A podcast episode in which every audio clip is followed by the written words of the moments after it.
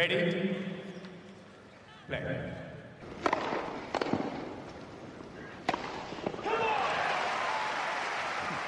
Merhabalar Inside Out'un 43. bölümüne hoş geldiniz. Ben Gökalp. Ben Anıl, merhaba.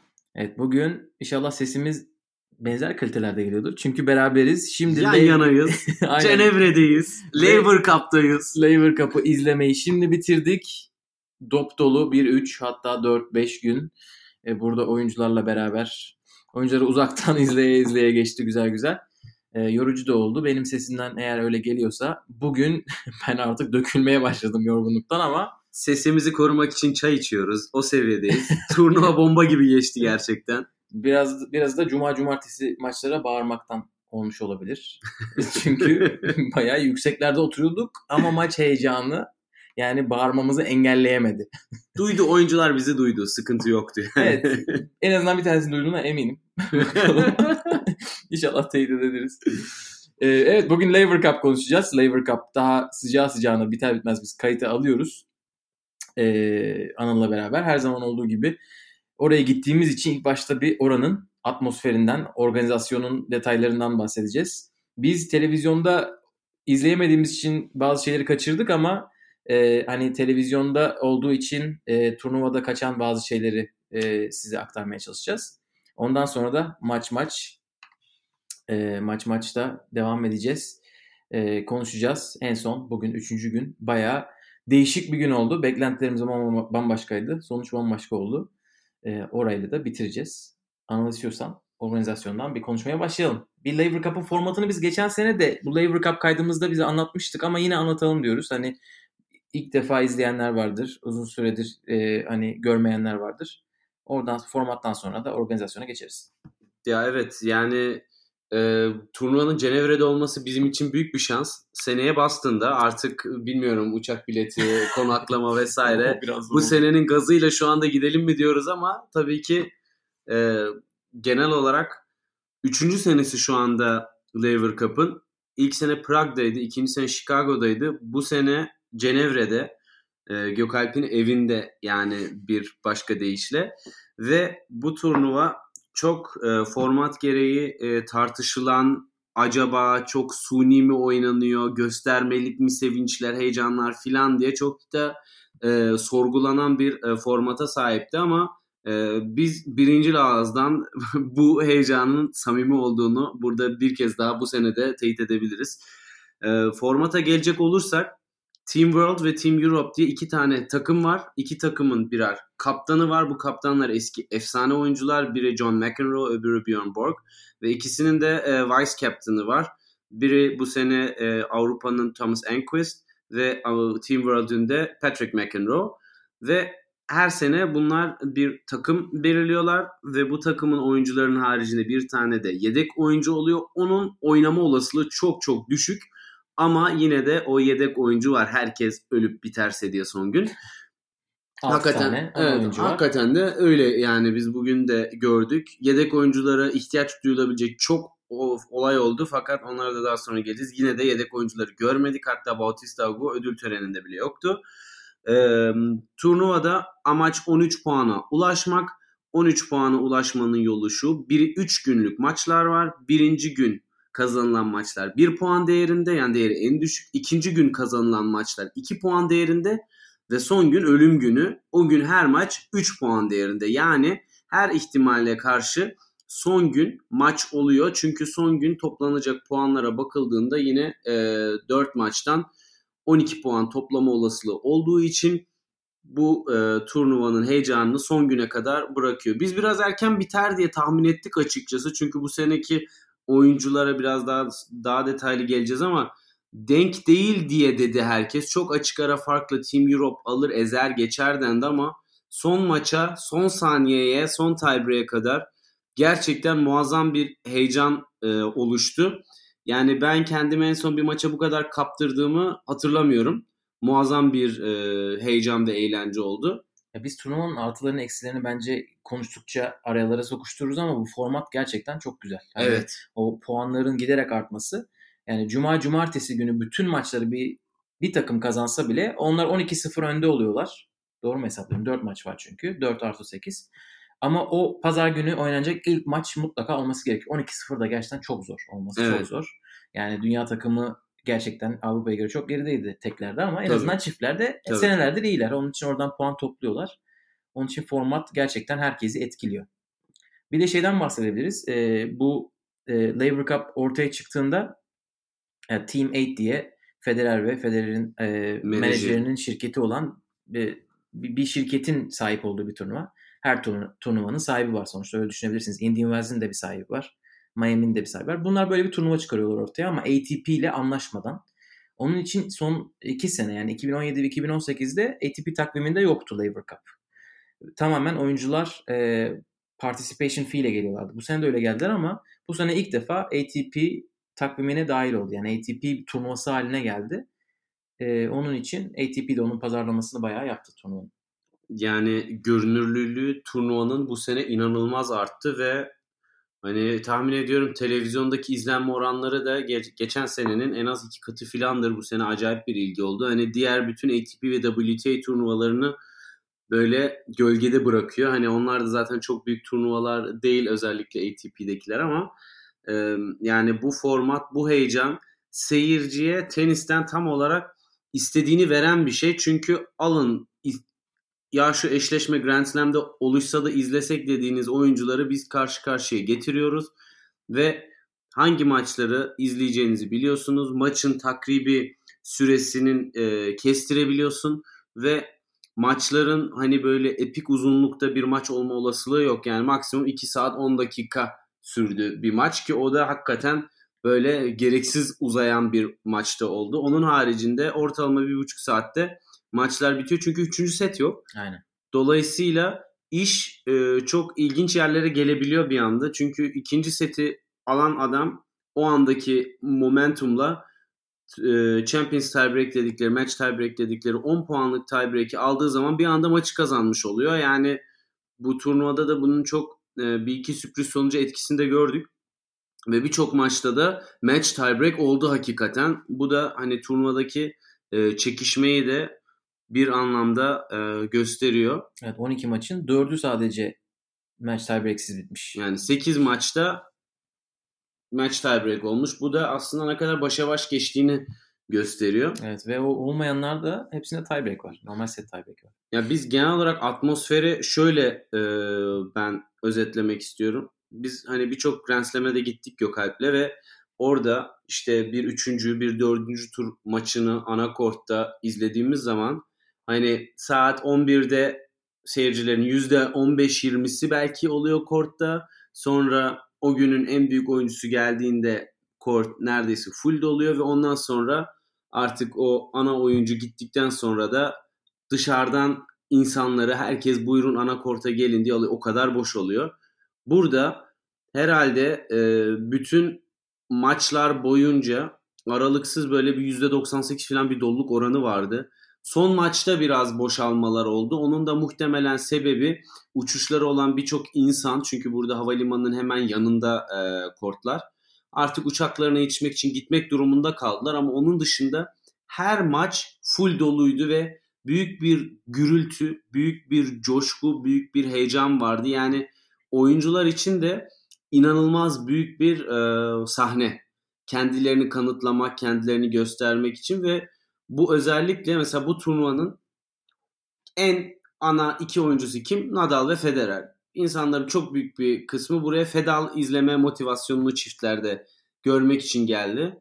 Fakat diğer oyuncular hakikaten yani biz burada yalı kazığı gibi durmayalım diye çok olağanüstü oyunlar sergilediler. Yani tek tek e, gün gün konuştuğumuzda detaylara gireriz ama yani ben e, Stefanos'tan da etkilendim, Zverev'den de etkilendim, Fritz'ten de etkilendim, Sok'tan da etkilendim. Yani çok beğenerek e, oyuncuların üst düzey performanslarını gördük burada ve bunun en önemli faktörü aldıkları para değil buradaki seyircilerin yaklaşık 18 bin kişi dedi değil mi? Evet, 18 Seyirci 500 kapasitesi. E, 18 bin küsur kişiye karşı bu kadar coşkulu seyirciyle oynamak ve hani e, kort yıkılacak sandık bir aralar yani böyle o kadar sallanıyorduk. Öyle bir coşku var. Herkes yerlere oraya buraya vuruyor. Öyle bir coşku vardı. Ve hani suni bir coşku değil kesinlikle. Hiçbir yerde ne bir alkış yapın, bağırın, çağırın böyle bir koordineli bir uyarı hani Amerikan Esra Ceyhan. e, şeylerde falan hep Amerikan talk show'larında hep şimdi alkış şöyle böyle hiç Evet. öyle bir şey yok. Tamamen doğal gelişen bir heyecan ve e, tamamen doğal olarak gelişen bir maç atmosferi ve hani bu anlamda benim yani keyif ötesi keyif aldığım bir turnuva oldu. Hani her kuruşunu sonuna kadar helal e, hak eden bir e, turnuva seyirci olarak eminim ki televizyon başında da böyle bir heyecan yakalanmıştır. Çünkü ben geçen sene televizyon başında izlerken de acayip keyif almıştım izlerken yani bu organizasyonu. Evet. Dolayısıyla bu sadece saha atmosferi de değil, saha atmosferinin oyuncuların üzerindeki etkisiyle televizyondaki seyir zevkini de çok üst düzeye çekiyor. Yani Evet. bu açıdan yani bir tenis seyircisinin keyif almak için istediği birçok nokta varsa ve bir checklist varsa onların böyle neredeyse hepsini karşılayan bir format. Bundan dolayı da ben çok keyif aldım. İstiyorsan biraz şey konuşalım. Şimdi korttan bahsettin. Hem kort alan oradan konuşalım. Çünkü e, çok etkileyici bir alan vardı Laver Cup'ta. E, burada zaten ihtiyaçlar, ihtiyacınız olan tek bir kort. Yani bir tane merkez kort var. Çünkü bir tane de antrenman kortu var. Antrenman kortu diye etrafı camekan bir yer yapmışlar. O, o fikir kimden neden çıktı bilmiyorum ama ne işe yarıyor? E, herhalde eksi yönlerinden birisi e, oyuncularla karşılaşmak çok zor gerçekten. Evet. Oyuncular hepsi birer süperstar edasındalar. Ulaşılamıyor. E, Cenere bakın çok küçük bir şehir. E, onun için onları etrafta görmek çok kolay olur diye e, buraya gelen Türklerle de konuştuk. Etrafta gezdik. Hani ben Fıskiye'ye falan gittim. Çünkü Cenere'de hani Monumental böyle gezilip görülecek o kadar az şey var ki dedim ki herhalde oraya giderler. Zaten oraya sabah gitmişler. Otele otelden gelirken oraya gitmişler de basın toplantısına öyle gelmişler. E, onun için kort alanı da öyle. Her yer e, böyle fanus içerisinde oyuncular.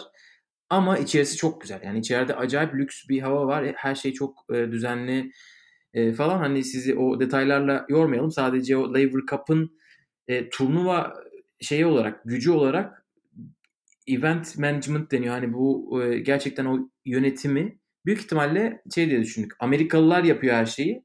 Çünkü bir ara NBA şeyi gibiydi. Hani işte üst sıralardan alt sıralara gelmek istiyorsanız işte ona Credit Suisse sponsor olmuş. Her şey her yerde çok sponsor vardı. Ee, biraz da onu konuştuk hani kendi aramızda. Ee, turnuvanın geleceği nasıl olacak acaba? Çünkü çok Turnu- fazla sponsor vardı. Turnuvaya para akıyor belli yani. Ve para yağdır yağdır sebebi akıyor yani. bu sponsorların hepsi Federer'in sponsoru. Ya bir de İsviçre'de olduğu için Federer'in ufak sponsorları, böyle lokal sponsorları da turnuvayı sponsor olmuş. Yani siz televizyonda direkt işte Credit Suisse'le e, ne vardı? Rolex. Rolex ikisi. Bir de ondan Mercedes. sonra Mercedes geliyordu. Onları görmüş olabilirsiniz. Daha sonra böyle daha alt sponsorlar da geliyordu. E, ama onun dışında böyle işte burada bir şebeke e, işte telekomünikasyon şirketi Sunrise falan filan hepsi sponsor olmuşlar tabii ki. Öyle para gelmiş. Acaba Federer'den sonra bu iş nasıl olacak? Onları belki sonunda konuşuruz ama atmosferde böyleydi. Organizasyon gayet e, hani profesyoneldi. E, biraz da hani işin turnuvanı, turnuvayı özel kılan bir taraf televizyon tarafı. Hatta belki en önemli tarafı olabilir. Yani televizyona verdikleri o içerik hiçbir yerde yok başka. Yani tenis olarak yani bu, bu sporu izleyen insanlar olarak böyle bir şey hiç görmedik. Yani Davis kupasında e, aynı ülkedeyseniz ve kaptanınız da iyiyse orada böyle iyi diyaloglar çıkabiliyor ki televizyonda izlemek zor onu gerçi ama bir efsanenin başka bir efsaneye koçluk yapması ve bunu televizyonun görmesi ve mikrofonların etrafta olması e, ilk iki sene biraz şey vardı. Bu oyuncular biraz rol mü yapıyorlar? E, fazladan mı seviniyorlar? Böyle garip garip bağırıyorlar işte durduk yere. Nadal normalde hiç o kadar gaza gelmez. İşte Federer çok bağırmaz. Çok mu şey yapıyor? Sanki bu sene biraz daha böyle gerçeğe yakındı her şey. O noktada da öyleydi. Ama gerçekten o oyuncuların kendi aralarında konuştukları şey biz de bu arada o izleyemediğimiz için kortta eve gelir gelmez Twitter'da bütün o kısa videoları izleyip acaba orada ne konuşacak? Çünkü Tsitsipas böyle modu düşüyor. Ha diyoruz video izliyoruz. Çocuğun üstüne çok gitmişler falan dedik. İkisi çok Beyni dönmüş. Aynen öyle.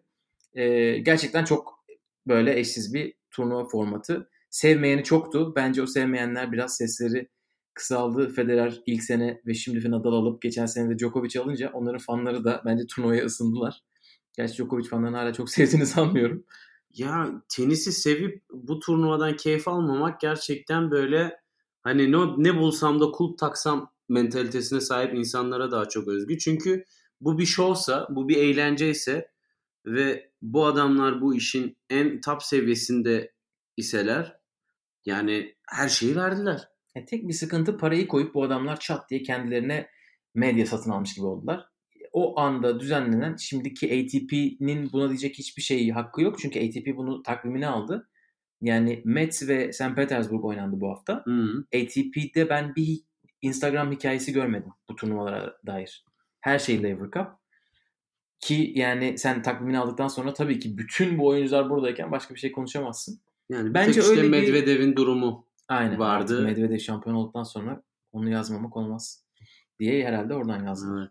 Yani ama e, işin medya tarafı bir yana yani talep de burada. Yani burada büyük bir şov var ve herkes burada. Hani İnsanlar rating beğendi. buradaysa burayı göstereceksin. Hani bu işin biraz doğal tarafı. Hani ayıp olmasın diye insanların görmek Tabii, istemediği şeyi zorla gözüne sokmak da çok makul Tabii. değil. Ama hani e, evet resmen sıfırdan parayı basıp bir e, turnuva oluşturdular biraz da. Hani bu şu bence şu aşamada ben hala şunu göremiyorum. Hani bir em, o maçların daha ziyade önemi oluyor. Hani son maça kadar ben hani bir takım olgusu işte ben Team Europe'cu muyum, Team World'cu muyum böyle böyle bir şey yok. Zaten bir formaları da yok. Herkes kendi e, sponsorlarının tişörtlerini giyiyor vesaire. Hı hı. Hani e, kupanın belki bu turnuva 30 sene yapılınca çok daha büyük bir ağırlığı olacak ama şu anda kupadan ziyade buradaki eğlence şu anda daha ön planda. Evet. Özellikle seyirci açısından. Hani o bir dünya kupasına sahip olmak gibi bir şey yok ama tabi bizim bahsettiğimiz işte Grand Slam'ler yüzyıllardır yapılan e, turnuvalar ve hani 100 yıl. yani işte yani 100 yıl. Yani 100 yılı geçtiği için şey Aynen. 100 yıl diyemedim. Neyse. Doğrucu Aynen, Davut onlarla- eyvallah sen haklısın Gökhan. Ama hani o manevi hazzı bir kupayı kazanmanın zamanla oluşan bir şey yok. Ve bundan dolayı da şu anda henüz bunun oluşması zor. Fakat tabii bunun önündeki en büyük engel de e, buraya biraz e, seçilme kriterinin tabii ki show business'a da dayalı olması. Yani Çok Nitto değil. ATP Finals'daki gibi ilk 10'daki oyuncular gelecek gibi hani en iyinin en iyisi değil. Yani şimdi e, burada bir Kyrgios varsa bunun temel sebepleri arasında onun eğlence faktörü de vardır. E, ama yine de hani şunu söylemek gerekiyor. Bu format böyle ilerledikçe ve buraya efsaneler geldikçe bu e, büyük bir prestij turnuvası haline gelecek ve bu turnuvayı kazanmanın da e, manevi ağırlığı zamanla artacaktır. Yani 3. Evet. senesinde olan bir turnuvada daha bunu hissedememek bence son derece normal. Aynen bence de öyle ki bence biraz daha destek e, dünya takımına kayabilir. Böyle Lever Cup'ın izleyicileri hani Lever Cup kitlesi oluştukça insanlar biraz daha hani oraya artık onlar ne zamandır kazanamıyorlar diye düşünüyor olabilirler. Underdog durumu olacaktır. Aynen. Yani Anıl'ın dediği doğru çünkü ilk başta ben her maçta farklı takımı destekliyordum. Çünkü tenis bireysel bir spor. Onun için biraz da açıkçası bunun sebebi yani dünya takımının çok güçsüz olması. Şimdi bakıyoruz Avrupa'da ilk 10 olmayan bir tek Fonini var 11 numara. O da ilk 10'daki Bautista yedek olduğu için. Yani Evet, o evet, da duruyor öyle. yani. Hani Dünya takımında en yüksek 20 numara Isner. Şimdi böyle olunca istiyorsunuz ki biraz dünya takımı en başta çok kaybetmesin ki pazar günü ne boş kalsın. geçmesin yani. Pazar günü çünkü heh, seanslardan belki bahsedebiliriz. 5 seans olarak satıyorlar biletleri. Cuma gündüz seansı, akşam seansı. Cumartesi aynı şekilde. Ama pazar tek seans var. Çünkü pazar 4 maç oynanabilir ama maç sonuç önceki günlere göre bir maç oynanabilir. Onun için hani yani biletten bağımsız çok tenis izlemek isteyen bir insan biraz dengeli gitsin ilk iki gün ki hani çok maç izleyelim diyor. E, Biz bu kadar dengeli gitmesini beklemiyorduk gerçi. Çünkü ya çok yorulduk yani. O Evet. kadar e, her gün 10 buçuğa kadar biz oradaydık ve Ya, televizyon başında da öyledir büyük ihtimalle. Yani sabahtan maçlarda- kadar izleyen. e, şey geçti.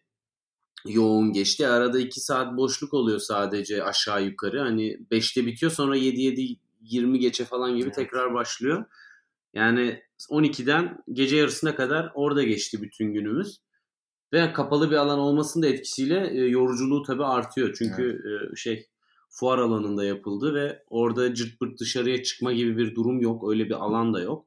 Yani temiz hava ve oksijenden uzak kalmak da biraz bizi e, yoran faktörlerden biriydi.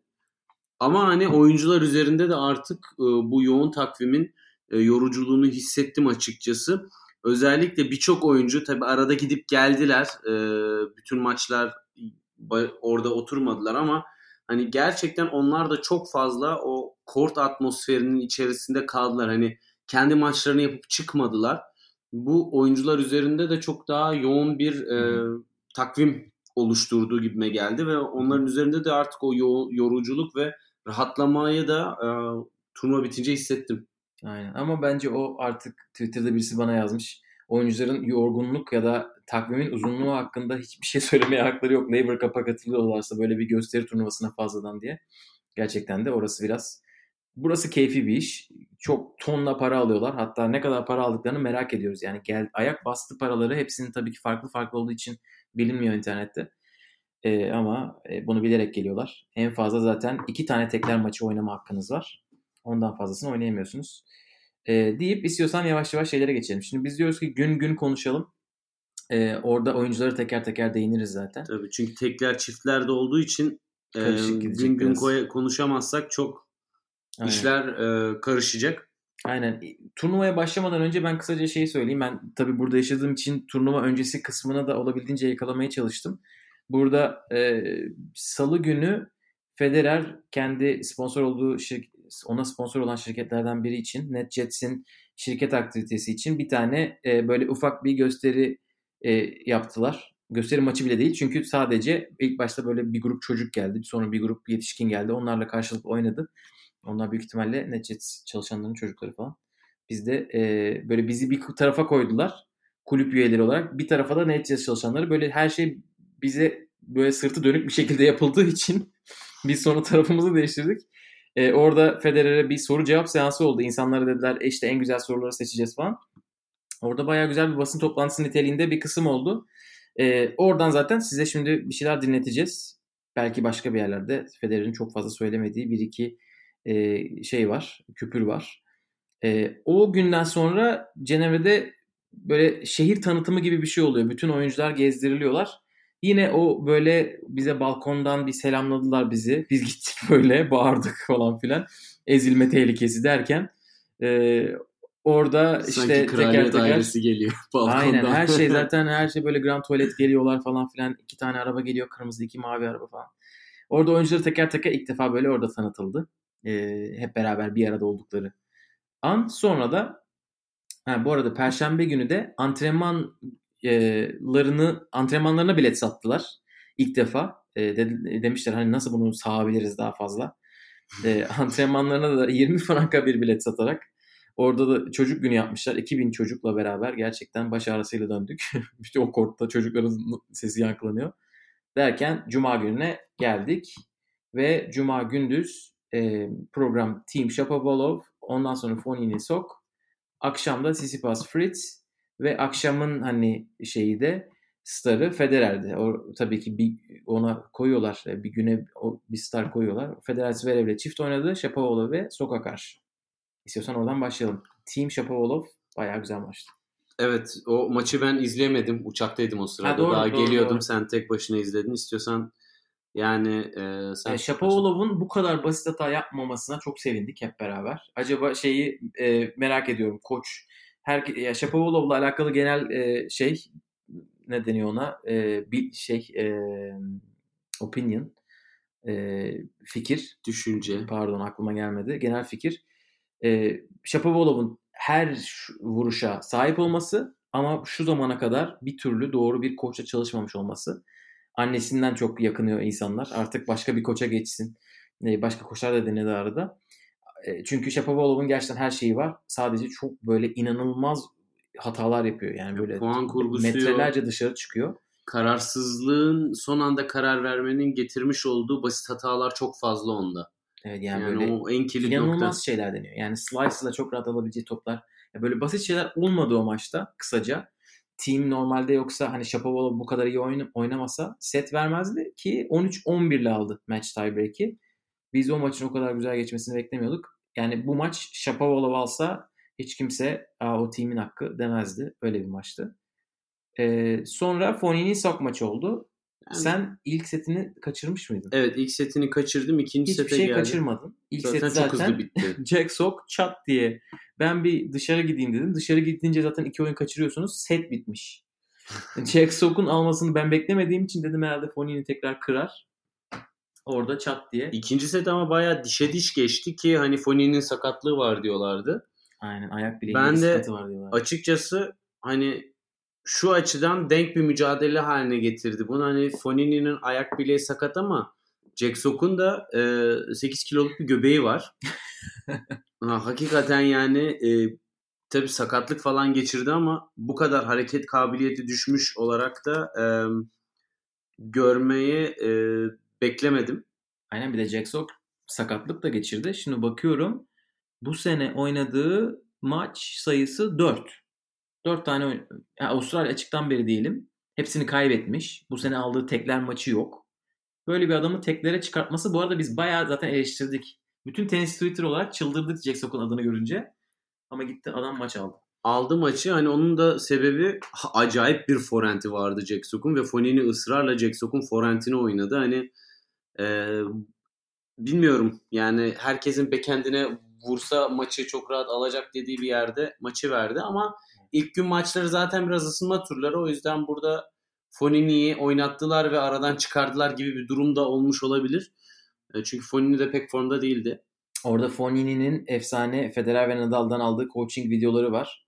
Federer İngilizce konuşurken Nadal aynı anda İspanyolca konuşuyor. Fonini ikisine de iki ayrı dilde cevap veriyor. Onu kaçırmayın Twitter'da mutlaka bakın. Ee, İşte bunlar da bu sadece bu turnuvada görebileceğimiz e, gerçekten özel e, görüntüler. Çünkü bu seviyedeki oyuncuların birbirleriyle aralarındaki iletişimi görmek hani hani kort dışındaki dostluklarının e, derecesini kort içinde çok net görebiliyoruz. E, burada istiyorsan Tsitsipas Taylor Fritz maçına geçelim. aynen. Yani ben e, Akşamın ilk maçı. akşamın ilk maçında hem Tsitsipas'tan hem Fritz'ten acayip memnun kaldım. Çünkü ikisi de her topa koştular ve e, gayet üst düzey performans sergilediler. Her biri birer set olmak üzere. Hani e, Evet. ilk sette Tsitsipas çabuk kopardı. Biz dedik hem yani Fritz'i de koydular buraya sonradan kattılar turnuvaya falan diye böyle yadırgarken bir servis atmaya başladı Fritz. Bir forehand vur- vurmaya başladı ve e, acayip net bir şekilde 6-1 aldı ikinci seti. Sonra match tiebreak'ti ama Tsitsipas hakikaten mental olarak üstündü ve şeyini de gösterdi yani. Daha oturmuş ve olgun bir tenisçi olduğunu gösterdi orada. Ama maç kafa kafayaydı ve yani ikisine de gidebilirdi ki 6-1 seti aldıktan sonra Fritz esasında o momentumla fena da başlamadı tiebreak'e fakat Tsitsipas ondan sonra kopardı gitti. Evet ben Taylor Fritz'i çok seven bir insan olarak bu sonucu çok üzüldüm. Ben Instagram'a bir fotoğraf koydum.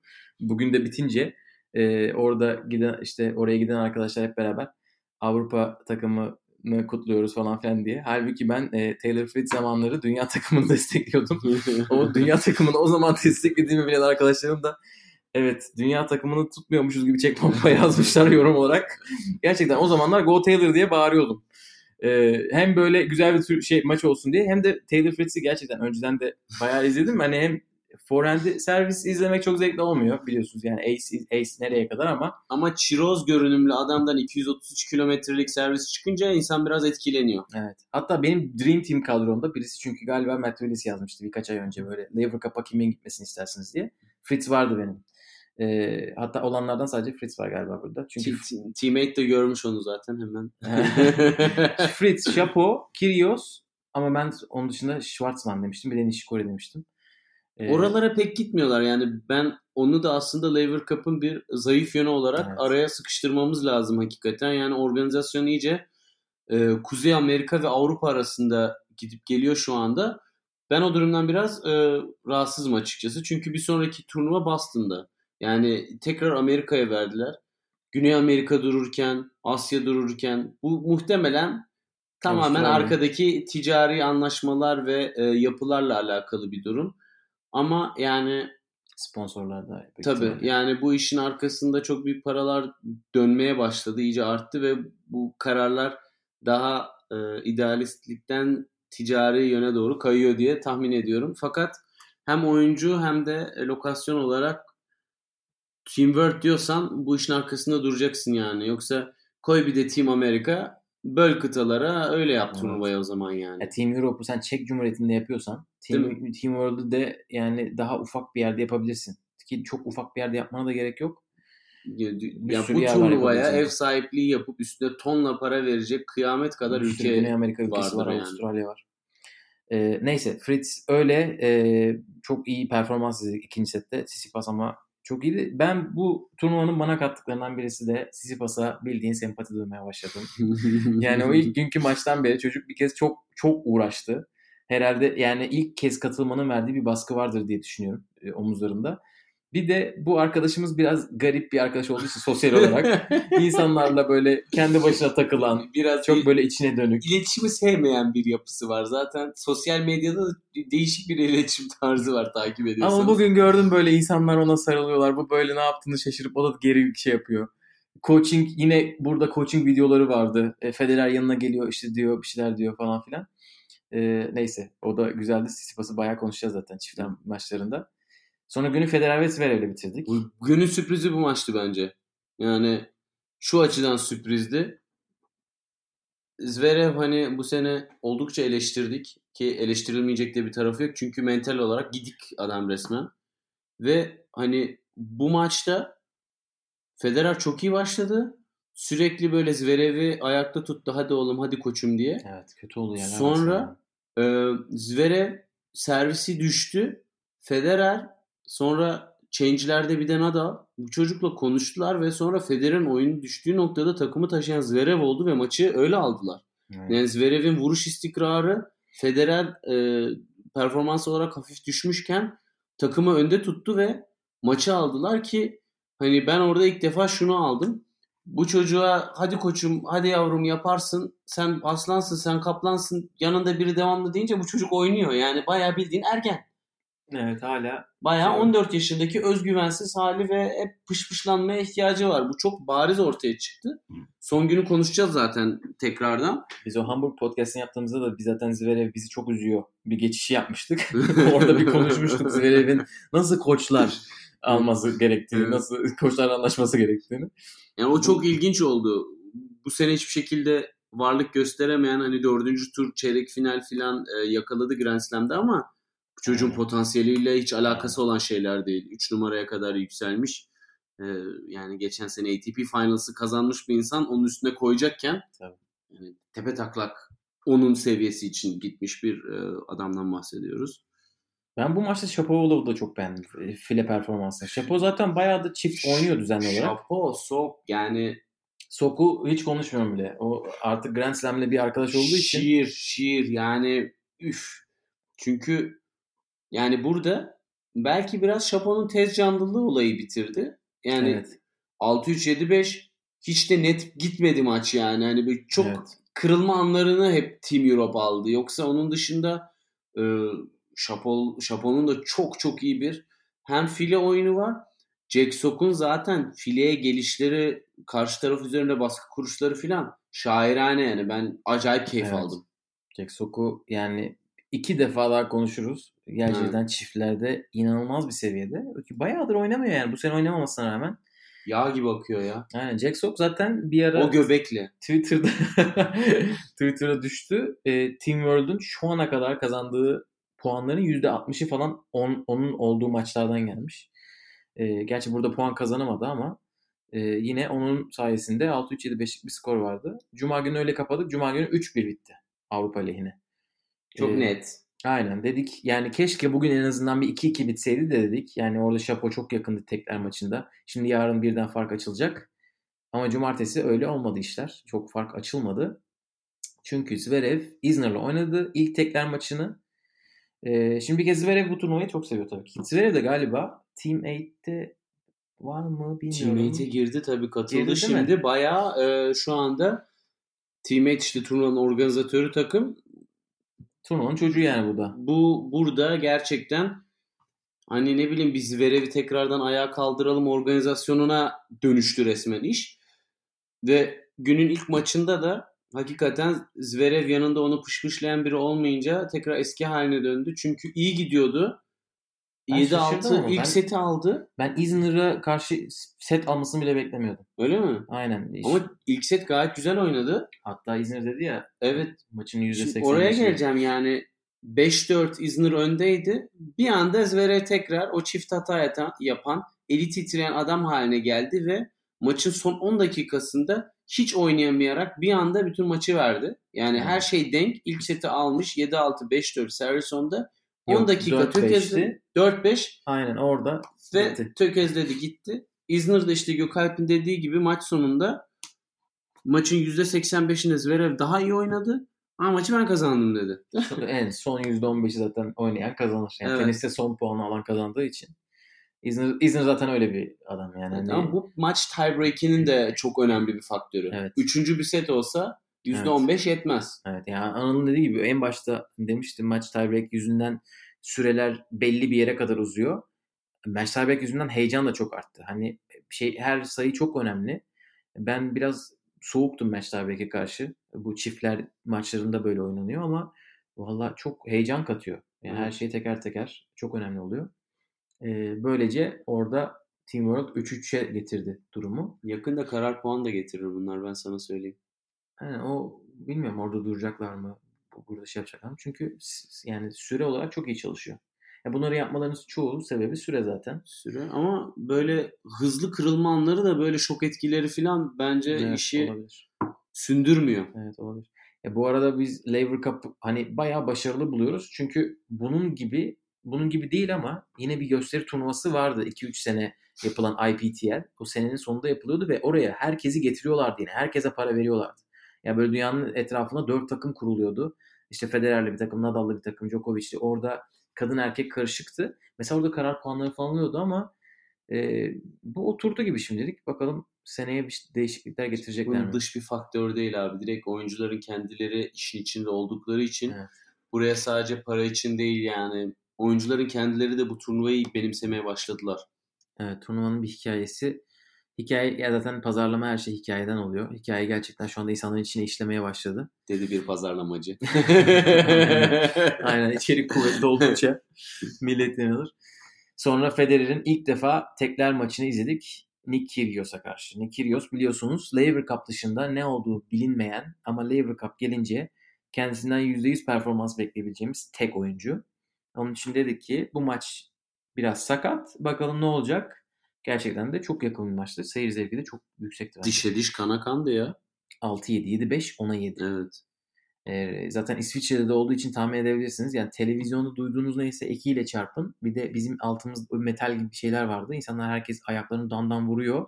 Federer match tiebreak'te böyle bir tane servis kırdırsa millet şey yapacak. Yani bir gidecek kalpten. Öyle bir atmosfer vardı. Ee, Kyrgios çok iyi servis attı bence. Tabii. İlk iki set yani. Kaybettiği set de çok iyi servis attı. Federer bir ara return'da coşup Yani bu turnuvada Team World zaten genel olarak çok iyi servis attı. Evet. Evet evet. Yani dediğim gibi Team Kyrgios, World Fritz, Isner, Raonic.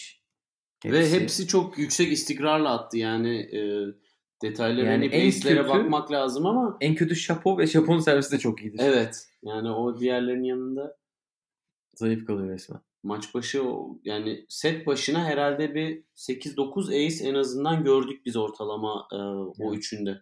Aynen. Çok acayip yani love game'ler 2-3 ace ile bitiyordu. Evet. Ya Kyrgios'u biz burada ilk defa kortta izleyebildik. Onun dışında sürekli bench'te onu görmeye çalışıyorduk. Yani bench'in biz üst tarafında oturduğumuz için onlar sadece yerinden kalkanları görebildik. Kyrgios'u sürekli gördük onun için. Sürekli zaten yerinden kalktı, yerlere yattı, yengeç dansları falan filan başkalarının Yani maçlarında. bu turnuvaya en çok sahiplenenlerin başında Kyrgios geliyor. En azından seyirciye e, geçişi olarak. Jack Evet. Sock da iyi. Jack John Sock. Isner da iyi. Yani Aynen. Team World seyirciyi çok daha ateşleyen e, takımken Kimyaları da çok iyi kendi aralarında. çok iyi. Ve sana bir şey söyleyeyim mi? Yani burası Federer'in yeri olmasına rağmen Böyle insanlar çok da Tim Ward'e sempatiyle yaklaştılar ta ki son maça kadar. Evet. Yani oraya da geleceğiz ama böyle bir garip Çok bir Amerikalı vardı. oldu. Evet, bir çok- de belki çok denk gitmesini isteyen insan da vardır belki.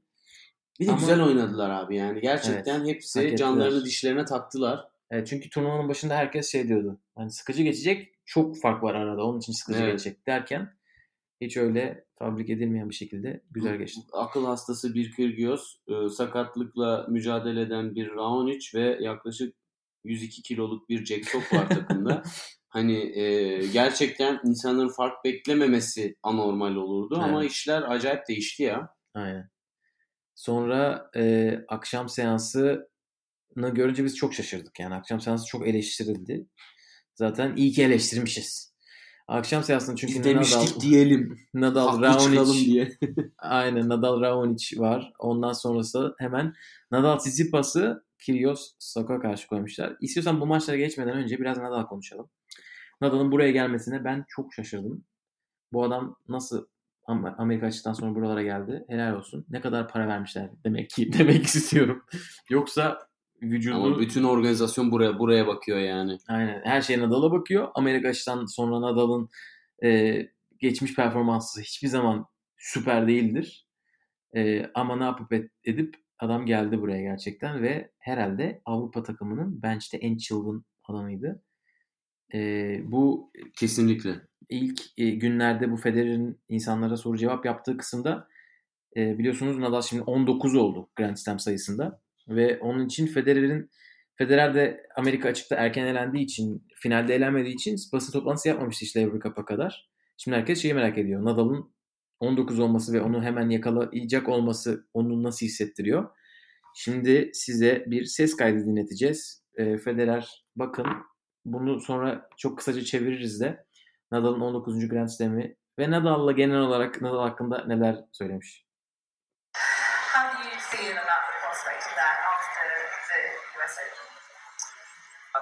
I'm generally happy for him. He did great. Um, he really struggled on the hard course the last couple of seasons. Uh, he was always hurt, like against me, he knew Wells when he was supposed to play, to pull out in the morning. So for him, uh, to see him turn that around, dominate the clay again the way he did after after Monaco, which was a bit of a struggle for him, for him, and then come and just uh, tear through, play a little bit of grass as well. He played the semis there, played great, and then again uh, also on the hard courts. I mean, it's it's impressive, and anybody who wins two slams this season is uh, has, having a terrific season. Same for Novak too, and it looks almost like Rafa's gonna also finish well number one.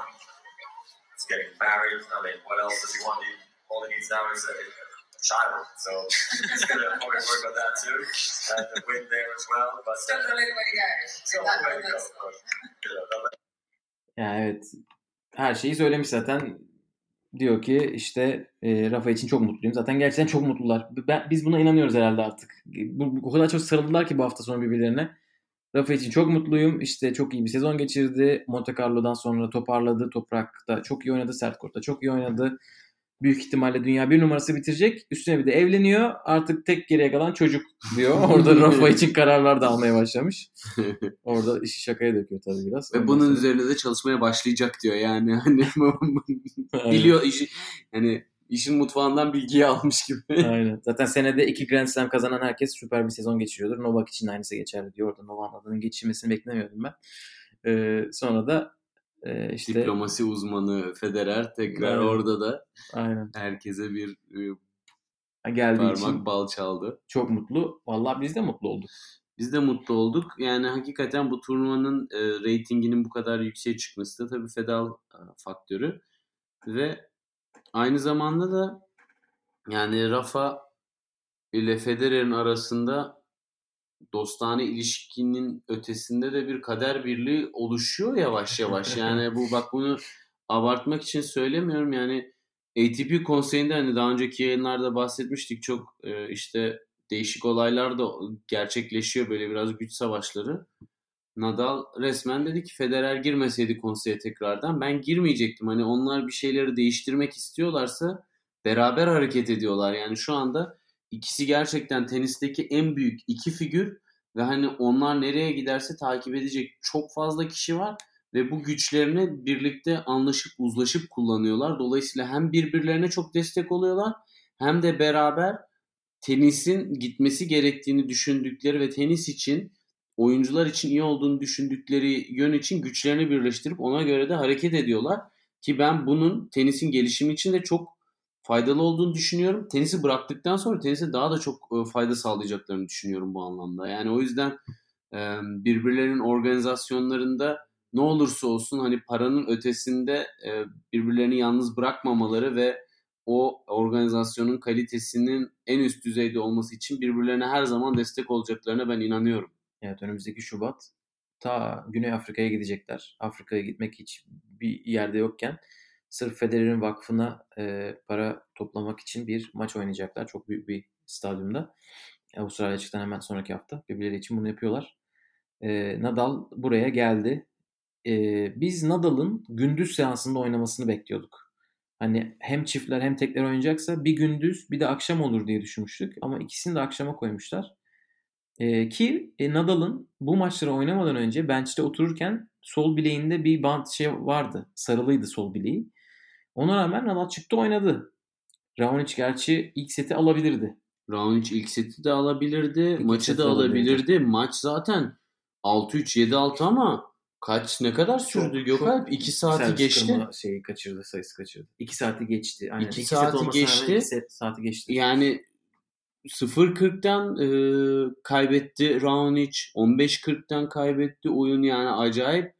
E, ilk sette da ilk başta bir 6'da 0 gidiyordu. Sonra herhalde bir 10 tanesi falan servis kırma Evet. sayısı yakaladı ilk sette. Yani bunu al, ya zaten alamazsan zaten maçı alamazsın. Hani bu zaten tenisin en büyük kuralı. Puan geliyorsa kıramıyorsan geçmiş olsun. Yani bu zaten ama Raonic'ten ben ya buraya katılmaz sakattır hala falandır diye beklerken çok güzel performans gösterdi ve servis performansı bir yana yağ gibi akan bir volesi vardı adamın. Ben e, Raonic'i genel olarak çok beğendim ve önümüzdeki seneye inşallah artık bu sakatlığını atlatıp bizi ATP takviminde de yine e, heyecanlandıran maçlarda oynar diye ümit ediyorum. Yani biz bir tek şeye üzüldük. En başlarda Raonic sadece Shapovalov'la beraber bir takılıyordu. Diğer ekip ayrıydı. Bayağı dışlanmışlardı. yani. Aynen yani Raonic'in e, maçında Şapo alkışlıyor. Şapo'nun maçında Raonic alkışlıyor falan derken tabii son günün son maçına Raonic kalınca bakın kimden alkışladı. Ama oraya sonra geleceğiz. Sonra Nadal bu maçı aldı. Dedik ne zaman oynayacak? Adam hemen mi oynayacak derken Nadal çıktı. Tsitsipas'la çıktı korta. Karşısında da Kyrgios ve Sok vardı. En iyi arkadaşlar. Bu en iyi arkadaşlar e, maçı aldılar ama çok da kolay almadılar. E, Tsitsipas bu sene çiftler oynadı. Birkaç turnuvada. Kohlhoff'la çift olacağız dedi, devam edeceğiz dedi. Sonra, Sonra biraz etmedi dağıldı. ama bir Masters ya kazandılar ya final mi oynadılar? Şunu hatırlamıyorum. İyi iyi sonuçlar aldılar. Nadal zaten süper bir çiftler oyuncusu. Ki bu maçta Nadal'ın Tsitsipas'ın biraz arkasında kaldığı yerler bile oldu aslında. Ama Jack Sock gerçekten yani her çiftler maçına bir şeyini koydu, farkını koydu ortaya. E, Kyrgios'a zaten gaz. Burada e, Team World 7-3 gerideydi bu maç başlarken. Onun için almaları gerekiyordu yani. E, ve mahkum. aldılar. Match tiebreak'te 16 kazanıp aldılar. Ve bu maçta o efsane Tsitsipas'ın el sinyallerini anlayamıyoruz videosu ortaya çıktı. Bu gerçekten inanılmaz bir içerik. Hani senaryosun yazsanız böyle olmaz. E, çiftlerde her çiftin farklı el sinyalleri olabiliyor ama genelde herhalde yani çoğunluğun yaptığı bazı sinyaller var büyük ihtimalle.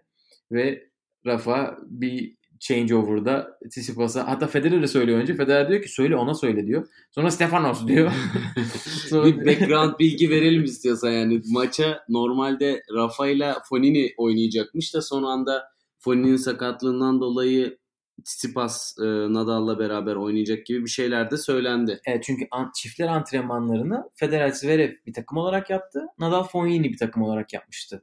E, Instagram'da öyle gördük. E, Dol- Dolayısıyla öncesinde ikilinin konuşmamış olma ihtimali çok yüksek. Mistik el işaretlerini Nadal'a aktaramamış olması gayet olası evet. Aynen, yani. maçtan önce beraber hiç çiftli antrenmanı yapmadılarsa, bir antrenman seti oynamadılarsa o Sisipas'ın parmaklarını anlamamış olabilir Rafa.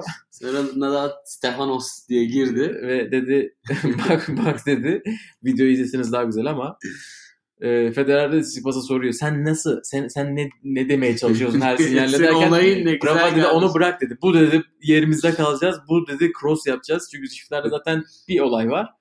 Filedeki insan yer değiştirecek mi değiştirmeyecek mi? Onu söyleyecek ki servisteki de ona göre diğer tarafı kaplasın. yani Tsitsipas muhtemelen 1, 2, 3, 4, 5 farklı parmak kombinasyonuyla kendi kafasında karmaşık şeyler düşündü.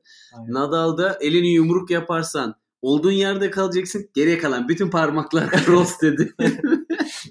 Aynen. Bu büyük ihtimalle zaten yeni böyle birlikte işte partnerlik yapan tenisçilerin yaşadığı olay. Çünkü başka tenisçiler çok Twitter'da bunu retweetlediler. Aa senle ben gibi falan filan diye. Çok güzel bir enstantaneydi. Ee, orada toparladılar biraz ama ikinci seti aldılar. Sonra maç gitti. E, Ve e, cumartesi akşamı 7-5 önde kapadı Avrupa. Sonra cumartesi yatarken gördük. Federer Nadal oynayacak. Sonra Nadal Kyrgios oynayacak. Biz zevkten dört köşeyiz. Ama nasıl bu adam 4 maç üst üste oynayacak diye de içimiz içimizi yiyor. Aynen yani doğru olmak için çok iyi. Böyle diyerek e, sabah kalktık otobüs durağına gittik ve otobüs durağında yanımızdaki diğer turistlerden Acı Dominic, haberi. Dominic Thiem ismini duyunca dedim Eyvah. burada bir bokluk var. Team'i biz bitirmiştik. İlk gün bir maç yaptı. Bitti onun işi yani. Aynen. Nereden çıktı bu şimdi? Hatta bana bir arkadaş yazıyor. Thiem'e bak Bautista'ya aynı oynadı neredeyse falan filan derken ha demez olaydı. Nadal sol el bileğindeki sakatlıktan dolayı turnuvadan çekildiğini açıkladı. Daha doğrusu turnuva açıkladı. Onun yerine çiftlerde Tsitsipas, Federer Tsitsipas bir takım oldular ve Isner Sok'a karşı e, programlandı. Sonra da Dominic Thiem e, biz o zaman Nick Kyrgios'la oynayacak diye bekliyorduk. Federer Tsitsipas maçına biz böyle ben maçın başında Vamos Rafa diye bağırdım. Eğer televizyonda duyurabildiysem kendimi ne mutlu. Duyuramadıysam da yazıklar olsun bana. O anlarda hayal kırıklığımız çok büyüktü. Çok büyüktü. Yani biz dedik ki bize bir raket versinler. Herkese birer raket versinler. Yani- Bu bir şey olmaz. Paramızı geri istiyoruz. Çünkü yani herhalde oradaki 18.500 kişi mi artık kaç kişiyse hayatlarında bir daha canlı olarak Federer ve Nadal'ı bir takım olarak izleme olasılıkları epey düşük. Aynen. Ya zaten Yani- canlı bile olmasa bu adamlar sadece bir defa oynadılar bu iki olacaktı. Yani once in a Bu da bu turnuvayı özel kılan tabii ki çok büyük bir faktör. Tabii, tabii bilet satışa çıktığı Eşek zaman yüküyle biletlere para verilmesindeki. bu, Hayır, bilet satışa çıktığı zaman bu turnuvaya gelmesi kesinleşen sadece iki oyuncu vardı. O da Federer Nadal'dı. Onun için biz bayağı bozulduk. Derken böyle birinci setin ortalarında biz maça öyle bir daldık ki öyle güzel bir maç oldu ki biz unuttuk. Bunun sebebi ne ama? Stefanos'un abiler ben sizi mahcup etmeyeceğim. Ben de güzel oynuyorum e, kafasında. Yani hakikaten inanılmaz özverili ve inanılmaz mücadeleciydi. Koştuğu toplar, vuruş kalitesi Evet. yani böyle tezahürat yapıldı yani. lo- lob yiyip koşuyor geri 3 tane voleye karşı forehand vurup devam edip passing shot falan yapıyor. Önce işte sağımızdaki bir dayı tek başına Stefanos diye bağırıyordu. Sonra Aynen Yunan herhalde öyle dedik biz. Bu kesin amca hatta dedik böyle Evet. mükemmel bir sayı kazanınca artık ona bakmaya başladık. Herhalde Evet. dedik gelecek şimdi. Gökalp bir puanda dedi ki evet şimdi sendeyiz amca ve bir saniye geçmeden Tsitsipas diye bağırdı. Fakat dalga çok büyüdü ve bütün kort e, Tsitsipas diye bağırdı. Öyle bir performans ortaya koydu. Hani Team 8 ekibi Tsitsipas'a ne kadar teşekkür etse azdır Evet, herhalde. büyük. Çünkü büyük bir hayal kırıklığıyla oraya geldi insanlar. Lan biz ne izleyeceğiz şimdi acaba diye. Yenildiler ama yani Ona 8 maç tiebreak'te. acayip bir e, maç heyecanı ve keyfi oldu Evet. ve bu noktada John Isner ve Jack Sock'u da unutmamak lazım. Yani özellikle Isner'ın koşuları ve passing shotları beni acayip şaşırttı. Yani tabii ki korttaki kaplaması gereken alan kısa olunca hareketlerindeki hantallığın dezavantajı gidiyor. Hı hı. Bu da hani dar alanda aslında çok daha iyi vuruşları olabildiğini de gösterdi bize Isner'ın. Hani Evet. voley performansını da bir yana koyayım. Orası zaten iyi. Ee, ama tabii ki Jack Sock'un voley performansı izlemekten en çok keyif aldığım şey olabilir ya. Yani bu turnuvada zaten en çok çiftler maçlarını izlemekten eğlendim. Bir de son maç. Zaten. Evet. Ya John Isner'ın serviste Jack Sock'un filede olduğu kombinasyon gerçekten ölümcül. Yani, Yani. o inanılmaz. On- Ona o servisi kırmaları Federer ve Tsitsipas'ın galiba bir defa yaptılar. Emin değilim şimdi. O 7-5 aldıkları sette kimin servisine kırdılar ama sanki Isner'ınki gibi aklımda kalmış. Belki değildir. E, Sokunki de olsa bile e, zaten ne kadar iyi oynadıklarını gösteriyor böl- bölüm bölüm. Tsitsipas'ın tabii şeyleri vardı. E, yani böyle return'de çok iyi oldu. Sonra birden kötü oldu. Hmm. E, böyle pasajlar oldu. Yine bu maçtan da Nadal zaten durmadı bugün. Nadal bütün gün bench'teydi. E, evet, oyuncuların koltuğundaydı. Sürekli konuştular. Tsitsipas'a işte Jack Sock'la e, pardon John Isner'la ralliye girdin mi çiftlerde o rallide kal. Hiç Jack Sock'a dönme diye. Ve Evet. çok basit şeyler söylediler. Çok basit ama gerçekten işe yarayan şeyler. Yani yapacak başka bir şey yok abi. Jack Sock'u geçemezsin orada. Evet. evet. Yani bunların hepsi çok güzel. Bence bir gün ayırın. Bütün o videoları Lever Cup Twitter hesabından izleyebilirsiniz. Ya bak bunun şu etkinliği de var. Bu büyük oyuncuların aslında çok temel şeyleri ne kadar istikrarlı yaparak da e, büyük oyuncular olduklarını da Evet. gösteriyor Yani biraz da. Yani adamların beynine nasıl oluyor? girebiliyoruz biraz. Çünkü tekler maçlarını izlerken Evet. buna kafalarından geçen hiçbir şey görmüyoruz. Evet. Burada bize açılıyorlar biraz da Yani. yani. ben o kadar açılmalarını beklemiyordum. Nadal bir ara şey diye bağırdı. Galiba Zverev'e Zverev'e bağırdı. bağırdı. Evet fileye yaklaş, ya da Dominik Thiem'e mi bağırdı? İşte backhand'ine at falan filan. Böyle servis açar yeri söylemeye kadar. Evet. Ee, ve Nadal'ı ben bayağı etkilendim Nadal'dan bu arada. Ben tenis IQ'sunun o derece hani Net böyle okuyor her şeyi çok biliyor net yani. okuyor gerçekten. Hatta ona ikinci günkü maçından sonra bir şey yaptılar. On-court röportajda. Sizin aranızda bir koçluk yarışı gidiyor gibi gözüküyor. Federer Nadal Evet. ikinizin arasında. Sence de e, sen, senin biraz daha önde olduğunu söylüyorlar. Ne diyorsun? Tabii ki ben daha öndeyim diye böyle bir espri yaptı. E, gerçekten de. Katılıyorum. Evet ben de çok espriyle söylediğini sanmıyorum açıkçası. Biraz Çok net taktikler veriyor. Federer böyle Biraz hadi koçum hadi aslanım. Falan. Ne de negatifleri bir yana bırakıyoruz. Dart turt böyle girdi ben şaşırdım Federer'den biraz daha. sert girdi ya son anda. Neyse son maça gelince konuşuruz ama. Aynen. Björn Borg kadar yumuşak olmadı hiçbirisi. Yani. Onu da en son konuşuruz. Neyse Ee, Team Fritz maçı. Team Fritz maçı çünkü biz burada tabii biliyorsunuz Team Kyrgios maçı beklerken güya Twitter'da duyduğumuza göre Nadal'ın bu çekilmiş olması bir şekilde McEnroe özellikle Patrick McEnroe'yu çok böyle sinirlendirmiş. İşte nasıl bizim haberimiz olmaz. Bunlar zaten biliyorlardı. Team sabah antrenmanını yapmıştı. Zaten oynayacağını biliyormuş falan filan diye. Ee, herhalde anlayamadık yani. Orada Kyrgios'u o maçtan çektiler. Resmi hiçbir açıklama yapılmadı. Sadece Sakatlık mu? %100 hazır olmu- olmadığını mı söylemiş dedikodulara göre? Ha, Aynen. Yani hiç Bu da yani üçüncü ağızdan. gördük ne bir şey gördük. Taylor Fritz'i o maça koydular. O da bir kumar. Hani dünya takımı için. Taylor Fritz'i Ama tuttu. kumar tuttu. Yani ama nasıl tuttu yani ilk seti aldı, ikinci seti verdi. Sonra yine maç tiebreak'inde. Yani 7-5, hani o 6-7 kadar- ama 5. şey ki yani terazi böyle iki tarafa da dönebiliyor. Çok ince ayar. Ama burada artık günün puanları 3 puan olduğu için zaten ilk çiftler maçından sonra dünya takımı 8'e 7 öne geçti. Ondan sonra bu maçtan sonra da 11'e 7 oldu. Evet. Fark bayağı açıldı. Biz bu maçı çok bu maçta dışarıdaydık değil mi? Bu maçta Evet. insanların çoğunluğu dışarıdaydı. Çünkü bugün seansta aralık on, boşluk olmadığı için 4 maç arka arkaya olduğu için Bir yerde yemek yemek gerekiyor. bir maçtan vazgeçmeniz gerekiyor. Ona rağmen doluydu. Ee, VIP box'u burada bu maçtan vazgeçince biz de, biz de çıkalım. Şaka bir yana Federer'in maçı bir sonraki maç olduğu için biz bu maçın e, ikinci setinin ortasında ikinci setin ilk 3 oyunundan sonra çıktık. Ki bak bir şey diyeceğim burada. Tam biz de çıktığımız için bu turnuvanın belki de en güzel taraflarından birisi session'lar bölündüğü için insanların ne zaman yemek yiyip ne zaman maç izleyecekleri aşağı yukarı belli. Bundan dolayı da başından sonuna kadar kalıp izliyorsun. Çünkü de yani bölük pörçük insanlar şunu demiyor. Hani ben şimdi acıktım şimdi yiyeyim demiyor. Şurada boşluk var o zaman hallederim o işimi diyor çoğunlukla. Ve bu da maçların devamlı full olmasının çok ciddi bir etkeniydi. Yani Evet. Grand Slam'lerde Evet. İnsanlar sürekli girip çıkıyor, girip çıkıyor. Aynen. Yok tuvaletin geliyor Aynen. bir şey oluyor. Şimdi diyorsun ki tamam bu maçın iki maç arasında 10-15 dakikalık bir süre var. Tuvalet ihtiyacını karşılıyorsun. işte veya suyunu falan alıyorsun.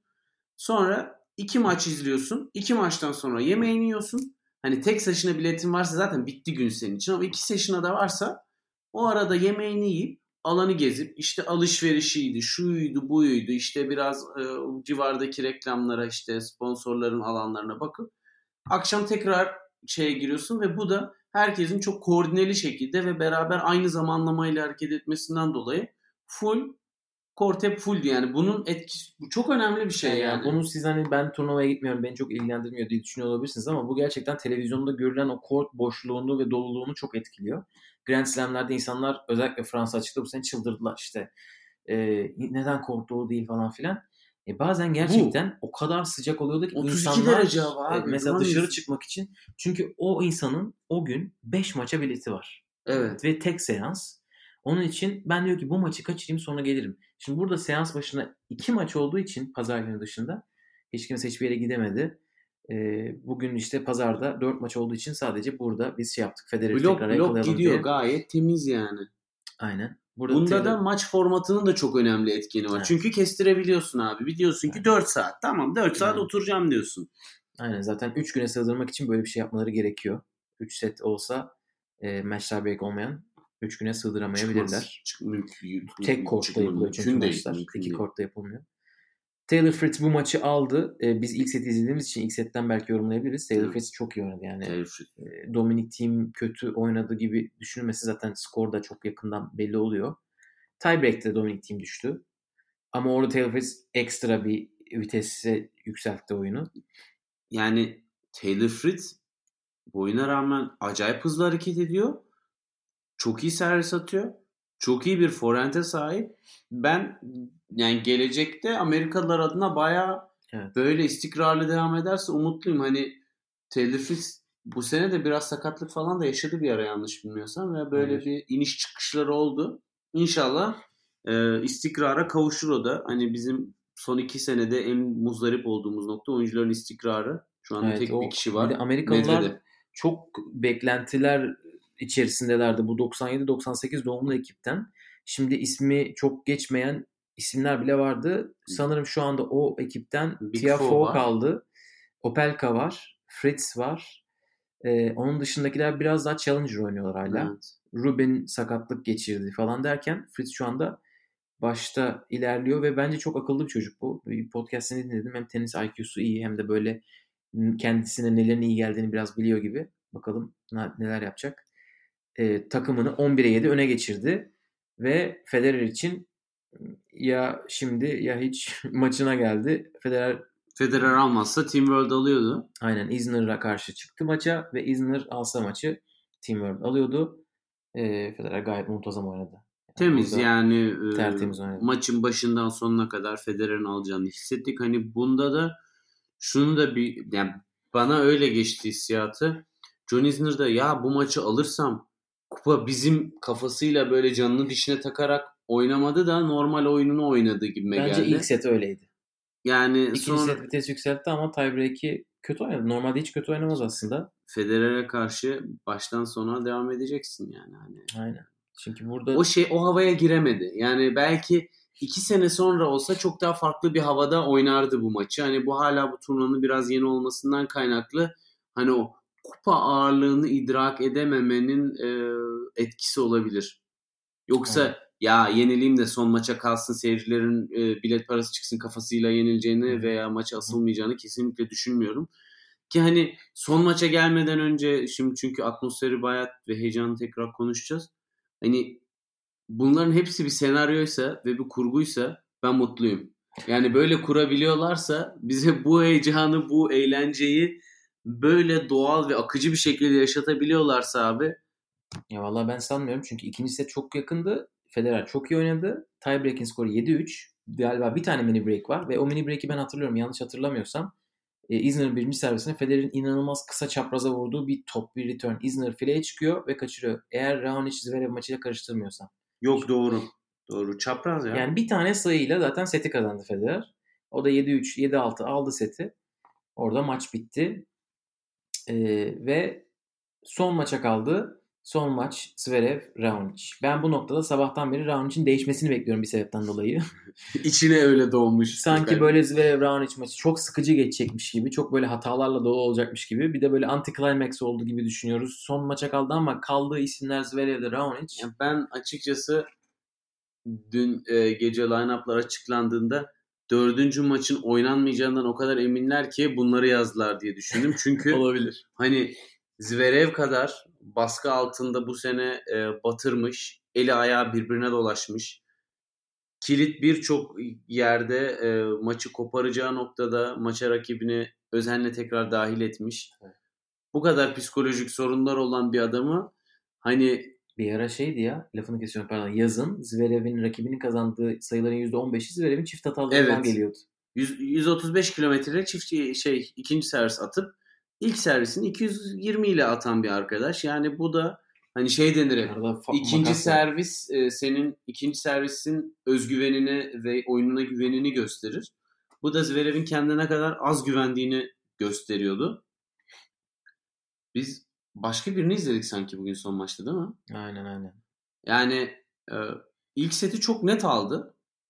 Sonra Raonic bir anda yani çok hızlı geçti ikinci set ve Yani bir kapadı. yerde servis kırdı. Bir, bir, daha bir kendi servis kırdırdı. Sonra aslında kendi servisinde sanırım sallandı maç bir iki kere. set için servis atarken 5-3'te 5-3'te Orada- 15-40'tı. orada Zverev çok fazla break point kaçırdı. Ee, ve orada iyice artık stadyum coştu. Hani orada Zverev büyük ihtimalle ilk seti almasa biraz mod düşük olurdu ama al- alınca da match tiebreak'e zaten çok yüksek enerjiyle girildi. Yani son maçın atmosferini şöyle biraz e, özetleyelim. İlk set Zverev e, çok değerli topla oynayıp güzel oynayarak rahat bir şekilde fırsatı yakalayıp servisi kırdı ve çok rolantide bitti maç. Şey set. Sonra insanlar ikinci sette Zverev ikinci servisinde yine böyle 135-140'larla atıp çift hatalar yapmaya başlayınca Zverev'in e, mental olarak bocaladığını gördüler. Team World, Team Europe'dan bağımsız bir faktör oluştu ve ya şu çocuğu destekleyelim de güzel oynasına döndü iş. Hani böyle çok anaç bir tavırla yaklaştı seyirciler gibi başlangıçta ve bu Zverev'in oyununu acayip etkiledi. Yani 5-3 gerideyken o oyunu kaybetti, seti kaybetti Zverev ama resmen e, küllerinden doğdu ve zaten Orada koşa koşa bir içeri gittiler.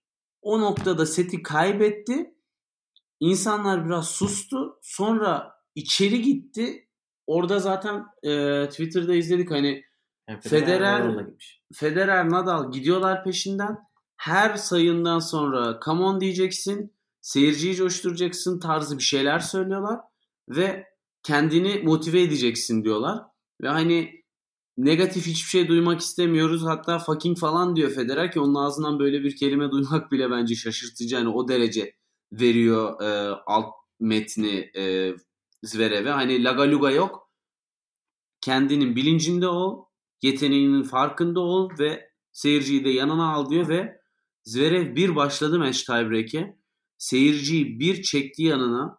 Bir coşturdu herkesi. Yani yıkıldı ya. Kort yıkıldı neredeyse ve acayip bir ya bu kadar net bir herkesin Team Europe'u desteklemesini ben hiç olası görmüyordum. Yani orada resmen Zverev'in o kendi içindeki mücadeleden dolayı insanların yaptığı empati ve destek olma isteği de bence çok ciddi bir faktördü ve bunun sonucunda Bence biraz acayip bir coşku oldu ya. son maça kalınca artık hani o yumurta kapıya dayandı. Avrupa kazansın hani biz çünkü burada hani Cenevre'de turnuva Onun da etkisi var İnsanlar tabii yani çok fazla. Almanya, İsviçre Fransa'dan geliyorlar çoğunluğu. E, onun dışındakiler de büyük ihtimalle Federer ve Nadal'ın fanları. Yani Amerika'dan gelenler de vardı ama bence artık burada son maç olunca artık onlar şey yapmışlardır. Hadi Zverev kazan demişlerdir. Zverev'e de sempatileri zaten onların takımında olduğu için vardır. Ya şeyi görüyorsunuz gerçekten. Zverev'i seven çok var zaten burada. İlk günden beri bayağı tezahürat aldı. vardı. Evet. Yani şeyi görüyorsunuz. Yani Zverev gerçekten biraz daha böyle iyi bir koçla çalışsa neler olabilir? Çünkü büyük ihtimalle biz ikinci sette şunu konuşuyorduk. Zverev çok arkadaydı. Yani geri çizginin çok arkasından Evet. oynuyordu Raonic'e karşı. match tiebreak'te geri çizginin belki bir metre arkasındaydı. Yani çok öne geldi. Bayağı. Çok öne geldi ve öne geldi her sayıyı aldı. Hatta bir tane sayıda fileye çıktı. O kötü volelere rağmen fileye çıktı ve Raonic fileye taktı. Büyük ihtimalle baskıdan. Yani bunu söylemiş olmalılar diye düşünüyorum. Evet. Ya Federer ya Nadal. Çünkü çok net bir e, şey. Bir anda e, değişti değil mi? talimat. Ve onu uyguladıktan sonra Federer Nadal birbirleriyle konuştular hatta o sayıda. Ve Zverev return sayısı aldı çok fazla match tiebreak'te. Yani 1 değil 2 Acayip. değil. Belki 4-5 almıştır. Öyle geldi bana. Sonra son sayı zaten artık kendini yere bıraktı. Ma- match tiebreak'te bütün returnleri çevirmeye başladı. Yani resmen sanki ezbere biliyormuş gibi Raonic nereye atacak. Ö- öyle rahat karşıladı. Ve Yani 6-4 mü? Oradan sonra zaten koptu. bir de tabii şeyi de tutamadı. anlamıştır seyirci. Biz buna destek olamazsak bu kazanamayacak. Hani Team Europe'un kazanmasını istiyorsak Aynen. bunu kemerine kadar destekleyeceğiz. Ee, mecburen yapacak bir şey yok. Aynen, aynen Kafası da olmuştur. Aynen öyle. Biz şey turnuvaya başlarken bir şeyi merak ediyorduk. Zverev'in performansını ve ben içimden gerçekten şey geçiriyordum. Burada iyi oynarsa bu çocuk senenin sonunda biraz ivmesi yükselebilir. Şangay Paris'te iyi oynayabilir. Bakalım merak ediyorum nasıl yapacak ama Merak ediyorum ama bilemiyorum. Çünkü ama aylardır oynadığı tenisle alakasız bir şey oynadı. acayip iki tane oynadı. iki tane mi tekrar maç oynadı? İki tane tekrar maç oynadı. Birisini match tiebreak'te kaybetti. O match tiebreak oynadığı aylara çok benziyordu. Onun dışında bugün Raonic'e karşı oynadığı maç ya bakmayın üstünde çok fazla e, yük de vardı. Hani Düşmeyeceğim dedi. Bu sefer düşmeyeceğim, kopmayacağım dedi maçtan ve hani kopmamak için kendiyle çok mücadele etti. Hani, hani bakalım bu bunu taşıyabilecek mi? Ama çok gerçekten yukarıda bir turnuva. Biz kortu bırakamadık. Dedik orada da çekelim fotoğraf, burada çekelim En fotoğraf. son biz çıktık. Aynen biz artık şuradan lazım dediler. dediler. Ondan sonra da çıktık koşa koşa podcast'ı kaydetmeye geldik. Ee, bütün bunlar olurken Avrupa takımının en büyük yardımcısı Kaptan Björn Borg. Yani gerçekten Şu anda başım masaya düştü e, samimi bir şekilde. Çünkü istiyorsanız Federer'in Björn Borg'la alakalı söylediği bir şeyler var. Önce size onu dinletelim sonra da biraz Björn Borg dedikodusu yapalım. Hop, hemen geliyor. The most important week of the year for him, which Yeah, he said that. I, I mean, as Charlotte's so cool. hero, how does it feel to hear that? For me, it's just cool to spend a week with Joe Board. You hear that, and then you're like, I'm in. I'm, I'm here. Uh, I want to spend a week with you, so I'm going for dinner with him tonight. Can't wait. I had lunch with him today. It was so cool. You know, he doesn't even have to say anything. He just has to sit there. You know, that's, that's like good enough for me. So Bjorn's the king. He's the best. He's so supportive. He's such a, a good person and a happy guy. And uh, he doesn't say a whole lot on the court because he doesn't want to interfere with anything. So he's just going to keep it real mellow. If any player has anything to say, they're very welcome to come to the bench and actually say tactical elements. And Bjorn's more there just to, you know, keep it going, keep the flow going, and not interrupt anything because he knows we're good enough players that we don't need I don't know how much. Whereas on the other side, Akron is yelling at his players to get pumped up and go mess the other guy up, almost boxing style. So it's great to see the differences, you know, the two of us. But uh, I mean, I just like storytelling the of our, of our sport, and uh, Bjorn and John do, do that almost better than anybody. Yani biraz en baştan bir kısa kısa çevirelim istersen. evet. En başta diyor ki zaten Björn Borg olması yeter benim için. Onunla öğle yemeği yedik. Karşımda oturdu. O otursun yeter bana. Böyle çocuk gibi orada gülüyor. Akşam tekrar gideceğiz. Çok heyecanlıyım. Zaten o otursun. Hiçbir şey söylemese bile yeter. Ee, bize de çok karışmıyor özellikle. Biz karışmasını karışmamasından çok mutluluk duyuyoruz gibi bir şeyler diyor orada. Zaten bizim ne, ne kadar iyi olduğumuzu biliyor. Çok karışmıyor. Öbür tarafta diyor McEnroe diyor. Bağırıyor, çağırıyor oyuncularına diyor. Farklılık olması iyi diyor. Hani hikaye var diyor Borg McEnroe. Yani Yani e, sana daha önce de söyledim. Yani hiçbir halta yaramıyorun en kibar e, söylenme biçimi bu herhalde. Çünkü bir elini sandalyeye atıp oturdu ve resmen orada hani biz sırtını görebildiğimiz için gözleri açık mı izliyor, kapalı mı izliyor ondan bile emin olamıyoruz. Çünkü hiç hareket etmiyor. Sıfır hareket. Ta ki son e, Zverev'in maçına kadar en son bir orada bir ayağa kalktı bir hadi oğlum artık dedi. orada da heyecanlanmazsın zaten. yani Aynen e, öyle. büyük ihtimalle Borg ve McEnroe rekabeti çok güzel olduğu için zamanında ve bunların birisi Avrupa'dan, birisi dünyadan olduğu için bu çok güzel bir hikaye olmuş. Zaten Sefeler'de diyor storytelling çok önemli. İşte bir tarafta McEnroe, bir tarafta Borg. Ee, bence Borg'un yerine e, çok fazla aday var ve bence ağzı böyle sulanan çok fazla tenisçi de vardır. Ve inanılmaz bir prestij. Burası çok büyük bir sahne ve herkesin baktığı Aynen. bir yer haline geldi. düşünsene. Matt Willender'le Boris Becker'e. Zaten inanılmaz medya seviyor bu iki adam. İnanılmaz taktik konuşmayı falan seviyor. Bir tanesi zaten koçluk yaptı. Bir tanesi sürekli Eurosport'ta kendi adına program var. O adamları getirsen Peker zaten biri beni tekrar yanına alsa diye böyle Aynen. oraya girmek Stefan istiyor. Edberg bile istiyor olabilir. Neyse Yani. biraz Björn Borg dedikodusu yapalım dedik. Çünkü adam ot içmiş gibi durdu 3 gün. Keyfi yerindeydi. Çok Sakinlikten va- vasıfsız ölmüştü. bir imajı vardı bizim gözümüzde. Neyse. McEnroe'lar. McEnroe da bu arada biraz sakindi beklediğimden ama onlar da biraz daha işin içindelerdi. İstesen biraz da en son böyle bir oyuncuların topladığı puanları konuşalım. Bir Hı hı. sağladıkları katkı. Yani En çok puan toplayanlar Roger Federer ve Jack Sock 6'şar puan topladılar. Jack Evet. Sock bugün 3 puan kazandı çünkü çiftlerde. Dün iki ikide puan kazandı. Bir de Her- ilk her gün, gün- teklerde 1 puan. Her gün bir maç kazandı Jack Sock ve 6 puanı yakaladı. Federer bir çiftler maçını kaybetti. Onun dışında e, diğer maçlarını kazandı. Bir 2 puanlık, bir 3 puanlık, bir de 1 puanlık maçlarını kazandı. John Isner de 5 puan topladı. Zverev 4 puan topladı ki biri son şampiyonluk maçıydı. O 3 puan. Taylor Fritz 3 puan topladı. Bu bence büyük sürprizdi. Kyrgios 2 puan topladı. Nadal 2 puan topladı çünkü 5 6 puan oynayacağı yerden çekildi.